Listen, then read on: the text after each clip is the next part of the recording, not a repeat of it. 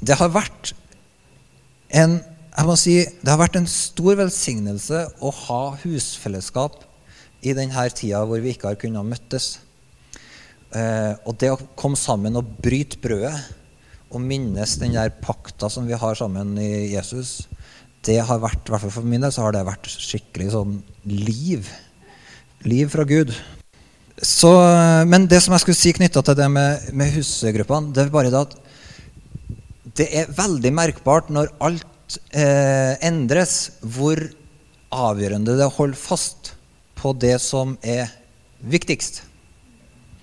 Så i tida med endring og forandring så blir de faste tingene enda Det blir synlig at det, eh, det er enda viktigere.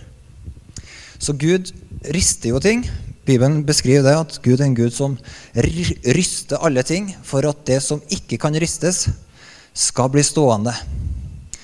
Og da gjelder det å klamre seg fast til de tingene som ikke kan rystes. Og paktsmåltidet med Jesus er en sånn ting. Og det å holde fast på fellesskapet med søsken, holde fast på bønnene, holde fast på å være under formidlinga av Guds ord, det er Det på en måte gir oss del i de her tingene som er urokkelig ifra Gud. Så i dag så har jeg tenkt at vi skal se sammen på fra Kolosserbrevet kapittel 1, og fra vers 13 til 20. Kolosserbrevet 1 fra vers 13 til 20, ja, 20 noe. Så der kan dere få slå opp. Og hvis du har med sånn mobibel, så kan du slå opp på den. Det, det, jeg tenkte vi skal gå litt inn i den teksten, så det er fint å ha teksten foran seg.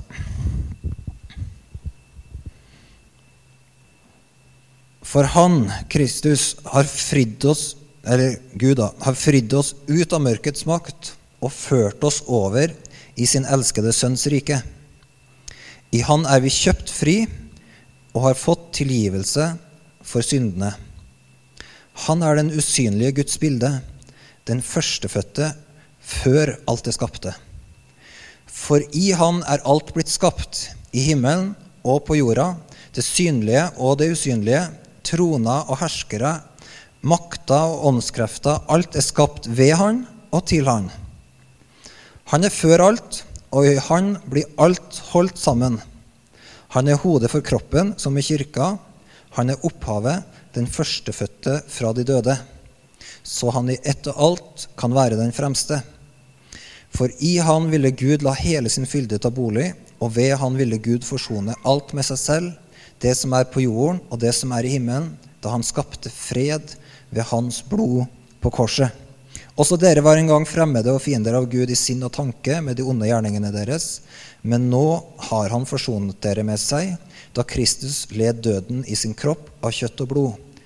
Hellige, uten feil og uangripelige ville han føre dere fram for seg. Dere må bare bli stående i troen, grunnfestet og stødige, uten å la dere rive bort fra håpet som evangeliet gir. Amen. Så vi skal bare har, har lyst til at vi skal legge merke til noen sånne ting som eh, står veldig fast og som eh, hjelper oss til å håndtere tida med stor forandring. Ok? Og nå har dere jo allerede skjønt at eh, når vi går til klosterbrevene 1, så går vi liksom til basicen. Her, kommer, her liksom forener Paulus liksom evigheten, skapelsen, frelsen og det evige håpet i liksom åtte-ti setninger. Så det her er et av de på en måte mest sentrale oppsummeringene i Bibelen over alt hva Gud har holdt på med og har tenkt å gjøre til alle tider, i ti setninger. men, det, men det, det, er veldig interessante ting her, og vi kunne sikkert ha holdt på med dette avsnittet liksom til neste lørdag uten å gå tom for ting å se på. Så her er det mange ting å se på. Men vi skal først bare se på det her starten hans. Han har fridd oss ut av mørkets makt. og ført oss over i sin elskede Sønns rike. I Han er vi kjøpt fri og har fått tilgivelse for syndene. Han er den usynlige Guds bilde, den førstefødte før alt det skapte. For i Han er alt blitt skapt, i himmelen og på jorda, det synlige og det usynlige, troner og herskere, makter og åndskrefter. Alt er skapt ved Han og til Han. Så her får vi se at eh, får vi jo på en måte forståelse av Guds plan som plasserer Kristus helt i sentrum. Og så sier Paulus at alt eh, som vi ser, alt som er synlig, alt som er usynlig, alt kommer fra Han. Men ikke bare kommer det fra Han, men alt er til for Han. Så han er til og med innom det og toucher borti det her store spørsmålet som vi alle jobber med. Hva er meninga med dette livet? Hva er meninga med hverdagen? Og her er det mange som fikk seg en skikkelig trøkk når eh, covid-19-restriksjonene kom, fordi at mange mista de tingene som de vanligvis gjør. Det ble tatt fra dem, og så forsvant opplevelsen av mening, og de ble fylt med en sånn meningsløshet og tomhet. Og Paulus han skriver her da at alt er skapt ved Kristus, og alt er skapt til han. Og når han sier da alt, så rommer han da Da er det liksom ikke, tar han ikke bare de kristne tingene, men han tar hele pakka. Og så sier han alt som er skapt, det er skapt til han. Det har en hensikt. Og den store forskjellen på å leve et liv som er tomt, føles meningsløst, der du på en måte bare gjentar en endeløs rekke av litt sånn meningsløse aktiviteter, og det å leve et liv fylt av mening, det er det veldig enkle som Paulus peker på her, at alt er skapt til han. Så når vi skjønner det at hele mitt liv og alt jeg ser rundt meg, det har en hensikt, det er til for Kristus, så får alt du gjør, en ny retning. Og man forstår at det grunnleggende i livet, det er denne tilbedelsen. Det, det grunnleggende i livet er liksom ikke det, det, er ikke at du på en måte på et eller annet sted skal finne lykken, eller et eller annet sånt, men nei, du er her for å bringe ære til Gud. Og det er ikke en sånn snever sak, tilbedelsen i denne forstand. Det er ikke en, tilbedelse er ikke en sånn sak som skjer i kristne samlinger med, med musikk. Det er ikke begrensa til det. Tilbedelsen er at alt som er skapt, er til for Gud. Så det betyr at det her tilbedende hjertet, det griper gjennom i alle relasjoner og i alt du er involvert i, så er det en del av tilbedelse. Og det gjør at f.eks. da vi, har, eh, vi bor i et hus. Det har vi kjøpt for egne og lånte penger. Eh, og det huset, det tror vi òg er noe som Gud har gitt oss som er et, eh, noe vi forvalter til hans ære. Så av og til så trenger huset vedlikehold. Da kan man tenke sånn her. Enten så kan man tenke å, søren, jeg er så lei av å pusse hus. Og det, det er kjedelige greier. Og det er Jeg har mye heller lyst til å bygge menighet f.eks. Eller eh, forkynne evangeliet eller gjøre sånne spennende disippelting. Men så oppdager du da plutselig at nei, men hele livet mitt er en tilbedelse til Jesus. Så faktisk, det å ta vare på det her huset, pusse, skrape litt maling, eh, male og holde det her, eh, forvalte det som Gud har gitt, det er en tilbedelse. Fordi, at, fordi vi har fått noe fra Gud, så tar vi vare på det til hans ære, sånn at vi forvalter det sånn at han kan få Forstår dere? Eller du går på jobb, og så, og så, har du kanskje en jobb der du jobber med som eh, landskapsarkitekt. Og så tenker du hva, hva, Hvordan skal jeg få det her livet til å henge sammen? Jeg er så travelt opptatt med Jeg skulle også gjerne brukt mer tid på å gjort disipler. Og men så oppdager du plutselig at nei, men eh, det står faktisk her i første Mosebok at eh, jeg er satt til å forvalte alt det Gud har skapt. Og alt er til for Han.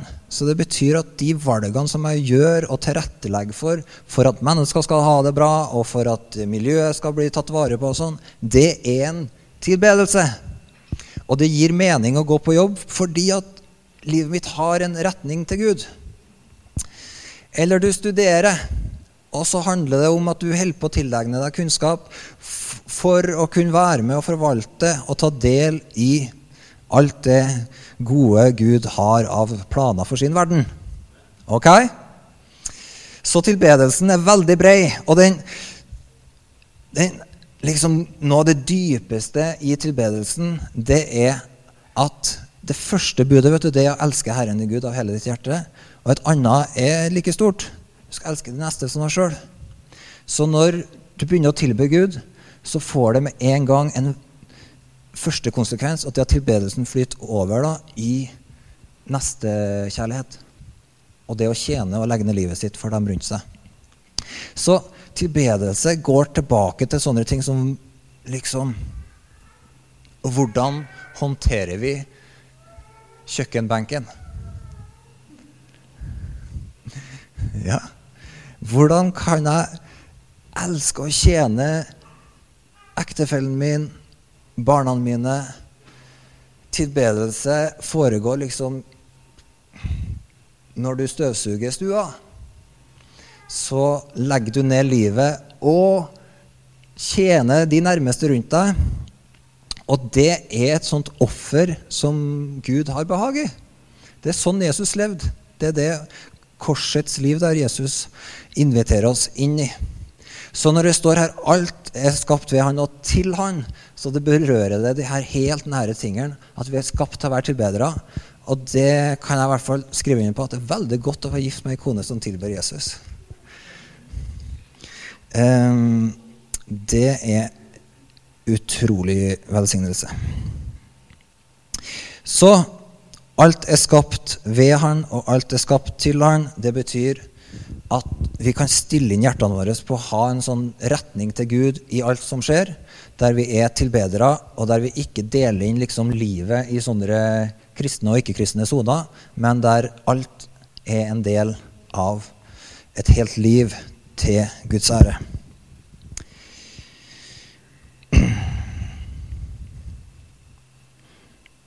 Han er den usynlige Guds bilde, den førstefødte før alt er skapte. I Han er alt blitt skapt, i himmelen og på jorda, det synlige og det usynlige, troner og herskere, makter og åndskrefter. Alt er skapt ved Han og til Han. Han er før alt, og i Han blir alt holdt sammen. Han er hodet for kroppen, som er kirka. Han er opphavet, den førstefødte fra de døde, så han i ett og alt kan være den fremste. Så her måtte, drar Paulus teppet til side og så forklarer han at alt det som er synlig, og alt det som er usynlig, det har samme kilde. Det kommer fra Gud. Og Dette avsnittet er også veldig viktig for den kristne tenkninga. Fordi at vi forholder oss ikke bare til det synlige, men vi forholder oss òg til det usynlige. Så det innebærer at vi forstår at det er ikke bare de synlige tingene som har betydning, men også de usynlige har verdi. Og da kan man ta mange ting inn under det som ikke er synlig. Eh, men en av de tingene som ikke er synlig, det er noe av de tingene som Gud setter veldig høy verdi på, som f.eks trofasthet, rettferdighet, barmhjertighet, kjærlighet. Det er veldig reelle størrelser. Men du kan det, det, er liksom ikke sånn at du sier hei, god dag, eh, trofasthet, eller god kveld, barmhjertighet. Du kan Den er liksom Men de her usynlige tingene som har med Guds natur å gjøre, de er veldig viktige. Så når vi dette er bare én side av det usynlige, men jeg hadde lyst til å peke på den sida. For veldig ofte så reduserer vi alt som er viktig, til det som er synlig. Men vi trenger å justere tenkninga vår sånn at vi ikke blir beinharde materialister. Ok? Så i denne tida som vi er i akkurat nå, så er det en veldig kamp mellom vektlegginga av det usynlige og vektlegginga av det synlige. Og vi trenger som kristne å være frimodige med å si at det usynlige er viktig. Fordi Gud har skapt både det synlige og det usynlige. Alt det som har med Den hellige ånds liv å gjøre, er viktig.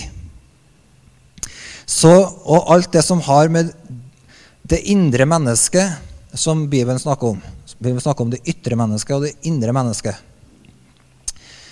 Og Hvis noen ønsker å dissekere mennesket opp i veldig mange flere biter enn de to, så skal du være litt uh, forsiktig.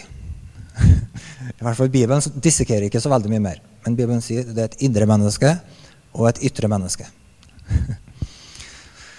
og vi er skapt med en sjel og som åndelige mennesker. Og det å ta vare på det usynlige sida av livet, det er veldig viktig. Og, og, det er faktisk Så brukes det et uttrykk om Jesus at han er sjelen sin hyrde. Er ikke det kult? Sjelens hyrde. Hyrde for vår sjel. Så det betyr at på samme måte som en gjeter vokter sauer og sånne ting. Passer på dem, gir dem mat, verner dem. Så på en måte tar Bibelen og beskriver Jesus ikke han, han, er, han er, vår hyrde, men han er òg sjelens hyrde. Det betyr at han, når du kommer til han, så vil du merke at han har et omsorg for det indre mennesket ditt. Og det indre, det som skjer på innsida, er viktig, og det har stor betydning, og det har avgjørende betydning for alle mennesker. Så når vi toucher inn på det her som går på at Gud har skapt både det synlige og usynlige, så blir faktisk Guds folk en liten, Da blir vi en sånn protestbevegelse i en tid som denne. Hva mener du med det? Jo, jeg mener det at vi har en statsminister som har gjort en fantastisk jobb. Men når hun sier liv, nei, helse og jobbtrygghet, helse og jobbtrygghet, er prioriteringa, så sier vi amen. Det er en bra prioritering, men det fins ting i livet som er viktigere enn helse og jobbtrygghet. Ja, men det her er på liv og død. Ja, ja men det er ting i mitt liv som er mer grunnleggende enn liv og død. Hva gagner det om jeg har all mat i verden, men taper min sjel? Ok? Og så videre.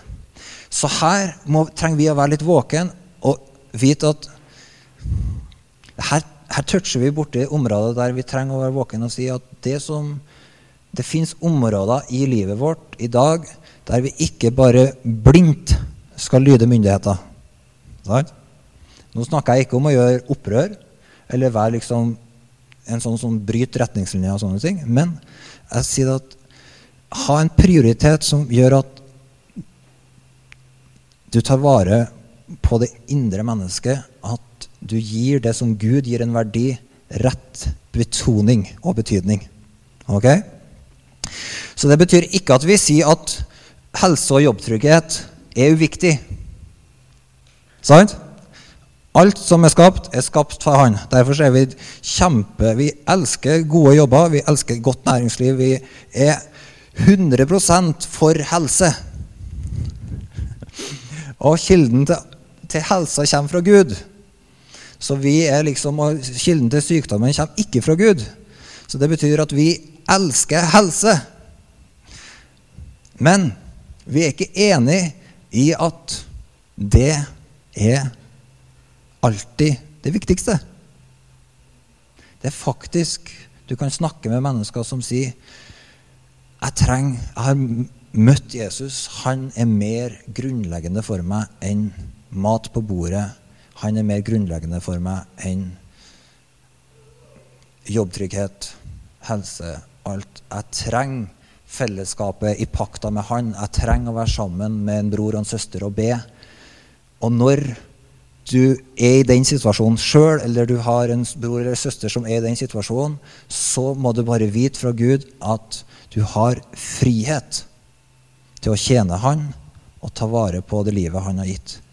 Uansett. Den fullmakten er gitt fra Jesus. Og da kan du gjøre det så godt du kan innafor de retningslinjene som er gitt. Men hvis du f.eks. i en situasjon med et menneske som trenger å bryte brødet, og du ikke har lov, så har du lov. Ok? Som kristne så trenger vi å ha en sånn rett betoning. Fordi Gud skapte ikke bare det synlige, men han skapte òg det usynlige. Amen. Hørte jeg et amen? Hør her. Han har fridd oss ut av mørkets makt og ført oss over i sin elskede sønns rike. Her stiller òg Paulus opp en sånn kontrast. Han sier at vi har vært i mørkets makt, og så har vi blitt ført inn i Sønnen sitt rike. Og mørkets makt og denne verdens riker, de går til grunne. Og det blir beskrevet på forskjellige måter. Det betyr denne tidsalderen med dens verdier, med dens mørke, den er på en måte Titanic. Den har fått Den har grunnstøtt, og den er på vei ned. Det betyr ikke at jorda holder på å gå under, eh, som noen sier eller at eh, hele solsystemet skal brenne opp, eller at eh, alle uh, liv på jorda ender i en katastrofe. Nei, nei, nei. Denne tidsalders system der mørket styrer, det holder på å gå til grunne. Men den verden som Gud har skapt, den holder han på å føre over i sin elskede sønns rike. Og han har allerede starta med å tatt deg ut av mørkets makt og ført deg inn i hans elskede sønns rike. Og Det betyr at du har kommet inn i et rike da, med faste grunnvoller, et rike som ikke kan rokkes, og du har fått del i et evig liv. Er ikke det gode nyheter? Så hvis du har lyst til å si det til deg sjøl, 'Jeg har del i evig liv', så kan du si det høyt. Det har du òg lov til.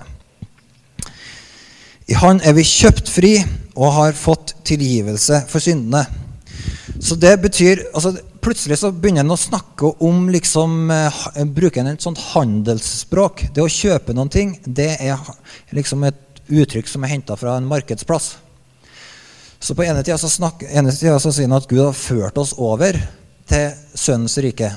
Men så sier han at du er blitt kjøpt fri. Og det, det er et interessant uttrykk som du finner igjen brukt flere steder det her bildet, denne forklaringa på det Jesus gjorde for oss ved at han kjøpte. Vi skal ta rask titt på det i 1. Peters brev. Dere trenger ikke å slå opp hvis dere ikke er veldig keen på det. Så står det at dere vet at det ikke var med forgjengelige ting som sølv eller gull dere ble kjøpt fri fra det tomme livet dere overtok fra fedrene det var med Kristi dyrebare blod, blodet av et lam uten feil å lyte. Så denne overgangen fra, fra det tomme livet som vi arva fra fedrene, fra livet i mørket, til Guds rike, det skjedde ved et sånt kjøp. Jesus kjøpte ved sitt blod. Og, og I Kolossebrevet da, så er, faktisk, er Paulus innom det her litt senere i Kolossebrevet. Så snakker han om at gjeldsbrevet mot oss. Det er i Kolosserbrevet kapittel 2. Ja, 2 av vers 13 kan vi lese fra. Dere var døde pga. misgjerningene og deres uomskårne kjøtt og blod. Men han gjorde dere levende sammen med Kristus da han tilga oss alle våre misgjerninger. Gjeldsbrevet mot oss slettet han, det som var skrevet med lovbud. Han tok det bort fra oss da han naglet det til korset. Så her bruker han et uttrykk som heter gjeldsbrevet, som er skrevet mot deg med lovbud. Og det gjorde at du hadde utestående. Du strakk ikke til. Du kom til kort. Du sto i gjeld. Og det er en veldig interessant ting, fordi at Av og til så Vi har en verden som sliter med det her gjeldsbrevet, og som desperat lengter etter å høre at det ikke er noe gjeldsbrev. Så jeg hører mange, for f.eks. i den offentlige ordskiftet, og sånn, så hører jeg mange snakke om at ja, vi, det er så mange som går med en følelse av utilstrekkelighet. Men folk trenger å vite at du er god nok som du er. Så tenker jeg nei, nei, nei, det er ikke det de må få vite. Jeg føler meg utilstrekkelig. Ja. Du har, Den følelsen er rett. Du strekker ikke til. Ja, jeg føler meg ikke god nok. Nei. Du er ikke det, altså. Du er ikke god nok. Ja, jeg føler så mange ting jeg ikke får til. Mm. Yes, come on, preach it. Det er sannheten. Gjeldsbrevet står imot. Og av og til så hører jeg kristne snakke på den måten her, så tenker jeg ja Du føler du ikke strakk det, ja, men det trodde jeg vi hadde blitt enige om det for lenge siden. At vi ikke strakk det. Ja, men jeg føler det er så mange ting jeg ikke får gjort. Ja. Jeg føler meg ikke god nok. Nei, det er helt sant. Du er ikke god nok. Men gjeldsbrevet mot oss sletta han. Det som var skrevet med lovbud. Han tok det bort fra oss da han nagla det etter korset. Ok? Så det betyr at hele det her gjeldsbrevet som en del kristne bruker mot seg, det må du bare huske at det gjeldsbrevet ikke liksom prøv å Jesus tok liksom ikke og, og sa ja, ja, vil, vi, vi late som det ikke eksisterer, liksom? Eller ja, jeg føler meg ikke tilstrekkelig. Nei, men bare si til deg sjøl at du er god nok. Eller syng en sang om det, så går det sikkert bra, liksom. Nei, Jesus sa ikke det. Han sa nei, det er helt sant. Du har et gjeldsbrev imot deg. Men jeg nagler deg til korset i mitt eget kjøtt og blod, tar hele gjeldsbrevet og lar det sones. Som betyr at alt du trenger å gjøre, er å komme til meg, sier Jesus, og så tar jeg hele pakken. Det er evangeliet. Og som gjør at hele denne kampen mellom ja, strekk til, er jeg god nok, og så videre Nei, nei, nei. Alt det der plasserer du på korset, og så sier du at 'jeg er faktisk utilstrekkelig'. Så blir du skikkelig enig med Jesus i det. Og så hver gang noen sier til deg at uh, du får inntrykk av at noen mener at 'nei, du er ikke god nok, du fikser ikke det her', eller 'du strekker ikke til', så kan du si 'helt sant'. Jeg, jeg svikter på alle punkt. Jeg har ikke sjans. Og én ting er det du krever av meg, men Gud krever enda mer. Men han tok gjeldsbrevet, nagla det til korset i Jesu kjøtt og blod, og kjøpte meg fri fra det. Som betyr at jeg tar ikke imot det du sier. Jeg hører ikke på den stemmen, for alt det der hører til på korset. Og det er det gamle mennesket mitt som du snakker til, og det er i grava, og det er dødt. Og det er dødd fordi jeg ikke levde opp til kravene. Jeg var ikke god nok, jeg strakk ikke til. Derfor ble jeg korsfesta med Kristus, lagt i ei grav. Og hele det her gjeldsbrevgreieren hører til der. Og jeg har god samvittighet Jeg holder ikke på å måle meg sjøl eller sammenligne meg med noen andre. Jeg bare lever ut fra Jesu nåde hver eneste dag. Hvert eneste sekund. Og jeg starter ikke en eneste dag eller et eneste ting jeg skal gjøre med utgangspunkt i spørsmålet er jeg god nok. Strekker jeg til? Jeg måler ikke noen ting. Hør her. Ikke mål Ikke hold på å måle livet ditt. Lev fra nåden. Så nåden er veldig frigjørende, for den gjør at du slipper å holde på å måle deg sjøl. All denne sjølmålinga, den puh, hører korset til. Jesus tok det på korset.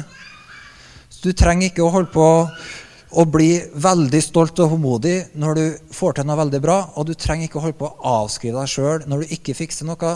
Det eneste du trenger å gjøre, er å stille deg på Jesu blod sin grunn. Stå der friskt hver eneste dag og si 'Jeg er den jeg er for Guds nåde'. Det er jeg ikke strekte. Guds nåde dekker. Der, eh, der jeg er til velsignelse, det er Guds nåde som virker. Jeg har ingenting å forsvare. Jeg har ingenting å komme med som jeg ikke har fått fra Jesus. Jeg har starta et helt nytt liv med han. Nåde, altså, det er sterke saker. Og det setter oss så grenseløst fri da, i møte med, med her, alle de her tankene som vi omgir oss med, der folk holder på å måle hverandre i all slags målestokker. Men det er vi ferdig med fordi at gjeldsprøvet det havna på korset i Jesu kjøtt og blod. Nå syns jeg det er fantastisk da, lese at i Han er vi kjøpt fri og har fått tilgivelse for syndene. Tenk på det. At Gud elsker deg så høyt at han kjøpte deg fri fra hele denne måten å leve på. Han kjøpte deg fri til et liv i frihet, der du ikke trenger å være slave under verken synden eller den fordømmelsen eller den dårlige samvittigheten eller noen ting. Han kjøpte deg fri til å være fri Punktum.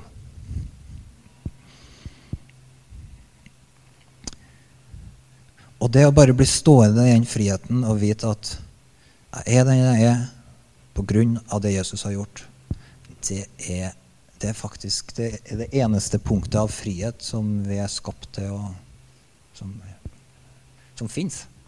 Det er det som er sann frihet.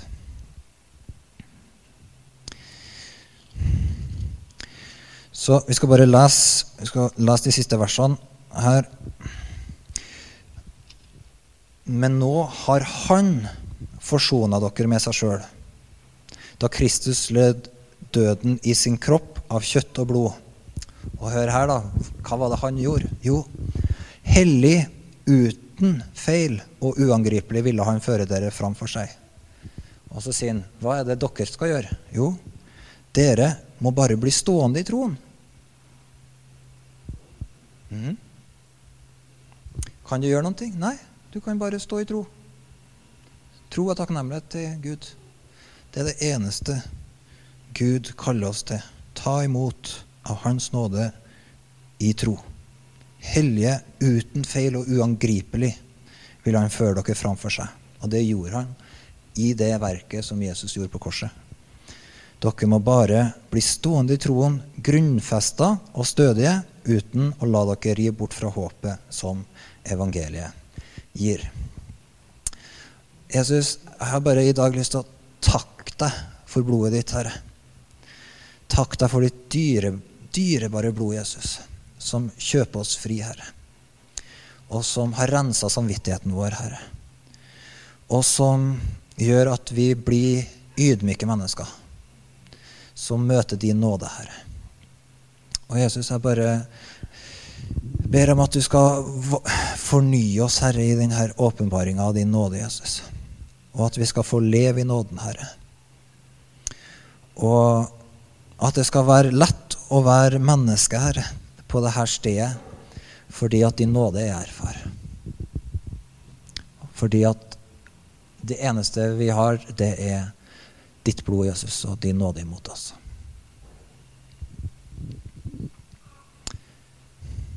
Takk for din fred, Jesus. Far, jeg bare velsigne alle som er her med din fred, far, i dag. Velsigne dem med din fred, din glede, den friheten som er fra evangeliet.